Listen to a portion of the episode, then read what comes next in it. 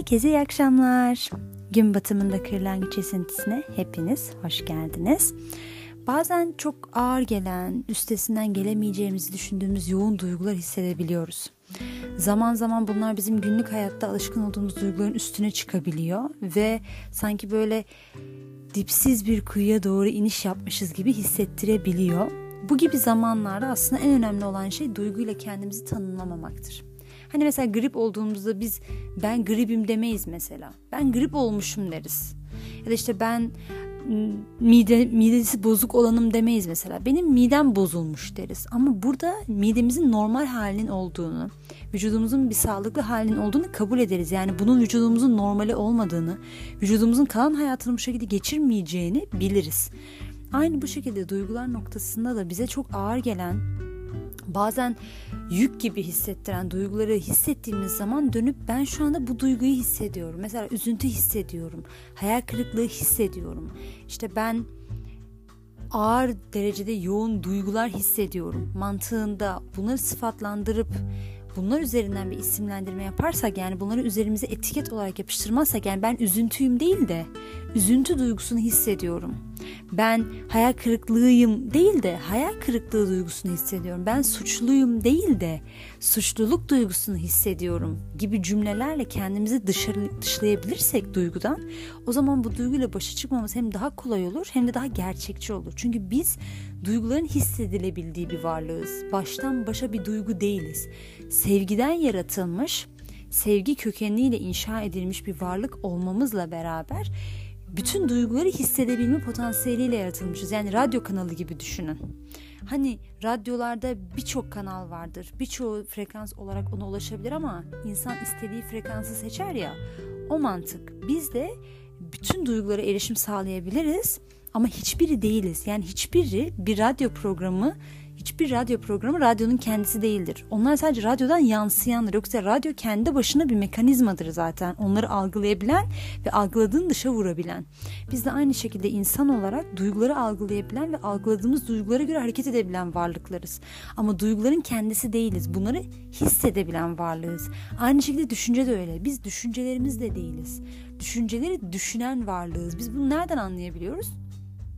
Kendi bedenimizden dışarıya baktığımız zaman mesela aynı düşüncelerimize bakar gibi dışlayabiliyoruz. Yani biz bir düşünceyi aklımıza getirip mesela şu anda ne düşünüyorsun diye sorduğumuz zaman o düşünceden kendimizi soyutlayıp işte şu an havanın ne kadar güzel olduğunu düşünüyordum diyebiliyoruz. Biz bunu nasıl yapabiliyoruz? Düşünceyi kendimizin dışına bırakarak. Biz dışına geçebiliyorsak o zaman bize ait olamaz yüksek ihtimalle. Biz onu gözlemleyebilen, onu yaşayabilen bir varlığızdır ama biz o değilizdir. Nasıl mesela ben bugün bedenimle ruhumu birbirinden ayırıp bir noktada ruhum gibi dışarıdan bedenime bakabiliyorsam o zaman bedenimin bana ait bir şey olduğunu ama benim bedenden ibaret olmadığımı anlayabiliyorsam aynı şekilde düşünce ve duygular da öyledir. Bizim kendimizi soyutlayabildiğimiz hiçbir şey bize ait değildir. Hiçbir durum, hiçbir perspektif, hiçbir düşünce, hiçbir duygu biz değilizdir. Biz onları yaşayabiliriz, onları deneyimleyebiliriz, onları tecrübe edebiliriz ama biz değil. Bizim kendimizi ayırabildiğimiz hiçbir şey biz değildir. Bizim birer parçamız ya da birer perspektifimiz, birer versiyonumuz olabilir ama biz değildir tamamıyla. O yüzden düşünceler de böyledir, duygular da böyledir. Bize ağır gelen düşüncelerde kaybolduğumuz zaman, yük hissettiğimiz duygularda böyle bir dipsiz bir kuyunun içerisinde bir dehlizin dibine doğru gittiğimizi hissettiğimiz zaman en önemlisi kendimizi o duyguyla tanımlamamak. Sanki bütün hayatımız o duygudan ibaretmiş. Şu anda yaşadığımız bu düşünce ve duyguların varlığı bütün hayatımıza sirayet etmiş gibi hissetmek yerine sadece şu anda bu duygu ve düşünceleri yaşayan, bu duygu ve düşünceleri deneyimleyen bir varlık olduğumuzu kabul etmek. Ben üzüntü değilim ama üzüntü duygusunu hissediyorum diyebilmek. Ben hayal kırıklığı değilim ama hayal kırıklığını hissediyorum diyebilmek. Ben yetersiz değilim ama yetersizlik duygusunu hissediyorum diyebilmek insanın kendisine en iyi gelecek davranışlardan biridir.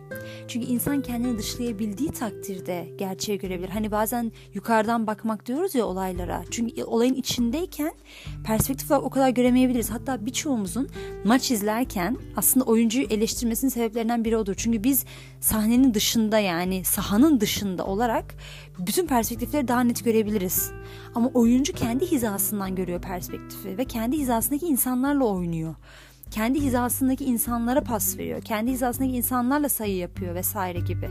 Bizse dışarıdan bakıyoruz hem oyunun içerisindeki heyecanı hissetmiyoruz, kaygıyı hissetmiyoruz, davranış olarak biz sergilemiyoruz. Yani o adımları biz atmıyoruz.